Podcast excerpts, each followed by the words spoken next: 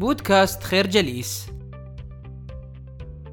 يحكي كتاب 33 رجلا تفاصيل الحادثة الشهيرة التي وقعت في الخامس من أغسطس من عام 2010 في تشيلي عندما انهار منجم كوبايابو للذهب والنحاس والذي يعرف كذلك بمنجم سان خوسيه.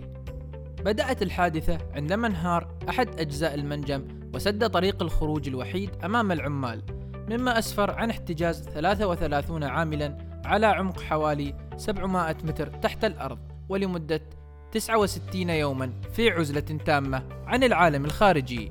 بلغت فيها درجة الحرارة حوالي الثلاثة وثلاثون درجة مئوية. جدير بالذكر أن الصخرة التي سدت طريق الخروج من المنجم قد بلغ وزنها 700 ألف طن أي ضعف وزن مبنى إمباير ستيت بالولايات المتحدة الأمريكية. يرجع سبب الحادثة إلى تجاهل مالك المنجم للتحذيرات المتكررة من احتمالية انهيار المنجم وخطورته على العمال الذين يعملون بداخله. العمال المحاصرون جراء انهيار المنجم كانوا 32 عاملا تشيليا وعامل بوليفي واحد. أكبرهم سنا كان يبلغ من العمر 65 عاما وأصغرهم فتاة في التاسعة عشر. لم يكن قد تخرج بعد من المدرسة الثانوية.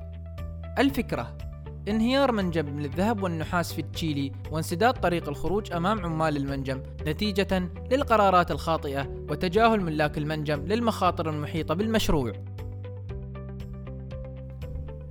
تعد حادثة منجم كوباياكو من الأحداث الشهيرة كون أن عمال المنجم تمكنوا من البقاء على قيد الحياة لفترة أطول من أي حادث احتجاز سابق في تاريخ المناجم.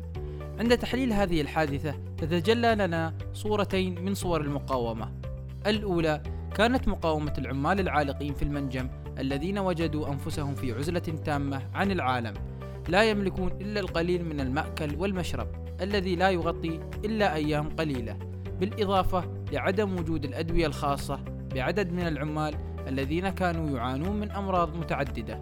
أما المقاومة الأخرى فكانت من قبل ذوي وأسر تلك المجموعة من العمال الذين واجهوا عدم اهتمام الحكومة وجديتها في إنقاذ ذويهم بدعوى أن فرص العثور على العمال أحياء كانت ضئيلة جدا. أدى تجاهل الحكومة إلى تفاقم المشكلة وإصرار أهالي العمال للاعتصام بجوار المنجم. استدعى ذلك التدخل الفوري والجدي من قبل حكومة تشيلي في إنقاذ عمال المنجم وخاصة بعدما تصدرت حادثة المنجم عناوين نشرات الأخبار في القنوات العالمية. بعد 17 يوما من المأساة تمكن مسبار صغير من انتشار رسالة كتبها العمال على ورقة تحمل عبارة نحن 33 جميعنا بخير داخل المنجم واجه عمال المنجم بعض المشاكل الصحية في ظل درجات الحرارة العالية والمرتفعة والرطوبة مما سبب لهم الجفاف الشديد. ولم تكن بحوزتهم المواد الغذائية الكافية مما أجبرهم إلى تقليل الحصص اليومية لكل فرد. لمواجهة شح المواد الغذائية قام لويس أورثو قائد فريق العمال بتقنين الغذاء بإعطاء كل من العمال ملعقتين من التونة المعلبة ونصف كوب من الحليب. بعد ذلك تمكنت فرق الإنقاذ من عمل فتحة قطرها 10 سنتيمترات في مدخل المنجم وتم استخدامها لإمدادهم بالأغذية ومواد الجلوكوز ذات الطاقة العالية والأدوية منها دواء لمنع قرحة المعدة الناتجة عن الحرمان من الطعام. كما تم استخدام الفتحة لإمداد العمال بالأكسجين. كما استفادت منها فرق الإنقاذ لإجراء الاتصال الصوتي مع العمال المحتجزين لكي يتحدثوا مع الطبيب المسؤول ومع ذويهم. كان هذا الإجراء ضروريا لحين وضع خطة محكمة لإنقاذهم. الفكرة مقاومة العمال للظروف الصعبة وقرارات قائد عمال المنجم والإجراءات التي اتخذتها فرق الإنقاذ جميعها كانت خطوة صحيحة في اتجاه إنهاء معاناة عمال المنجم. في الأيام التالية وضعت حكومة تشيلي قصارى جهودها في عملية إنقاذ المحتجزين، ففي أثناء تجهيز خطوط الحياة الرئيسية من هواء ومياه وطعام واتصال، استمرت عمليات الحفر للوصول إلى مكان الملجأ على مدار الساعة غير أن هذه الخطة فشلت بسبب استمرار حركة انهيار الصخور من مكانها وتنقلها من مكان لآخر مما جعل مهمة الحفر صعبة للغاية. لذلك اضطر مهندسو الإنقاذ لوضع ثلاث مخططات ألف وباء وجيم للقيام بعمليات الحفر. في أماكن مختلفة من سطح المنجم. في نهاية الأمر نجح المخطط باء الذي أشرف عليه فريق أمريكي في الوصول إلى العمال في اليوم الخامس والستين من المأساة. يذكر أن آلة الحفر كانت تتوقف حوالي عشر ساعات من أجل تغيير معدات الحفر. وتزامنا مع الحفر قامت البحرية التشيلية بتصميم كبسولة معدنية يبلغ قطرها 53 سنتيمترا متصلة برافعة لتنقل كل عامل على حدة من الملجأ إلى سطح الأرض. تم تصميم الكبسولة على شكل رصاصة وأطلق عليها اسم فينيكس وقد ساهمت وكالة الفضاء الأمريكية ناسا كذلك في تصميمها.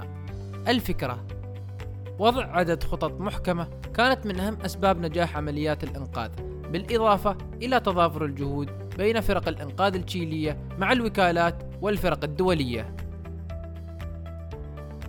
في ليلة الثاني عشر من أكتوبر 2010 بدأت عملية إخراج العمال المحتجزين في المنجم بحضور الرئيس التشيلي سيبستيان بن ريرا وعائلات العمال وكبار المسؤولين.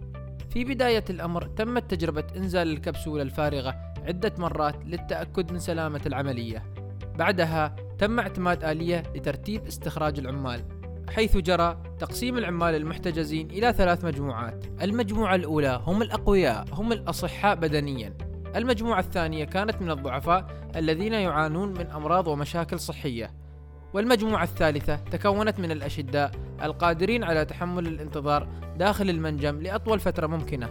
اكتملت عملية الإنقاذ بانتشال جميع العاملين المحتجزين بسلام. بعد مرور 22 ساعة تقريبا من بدئها.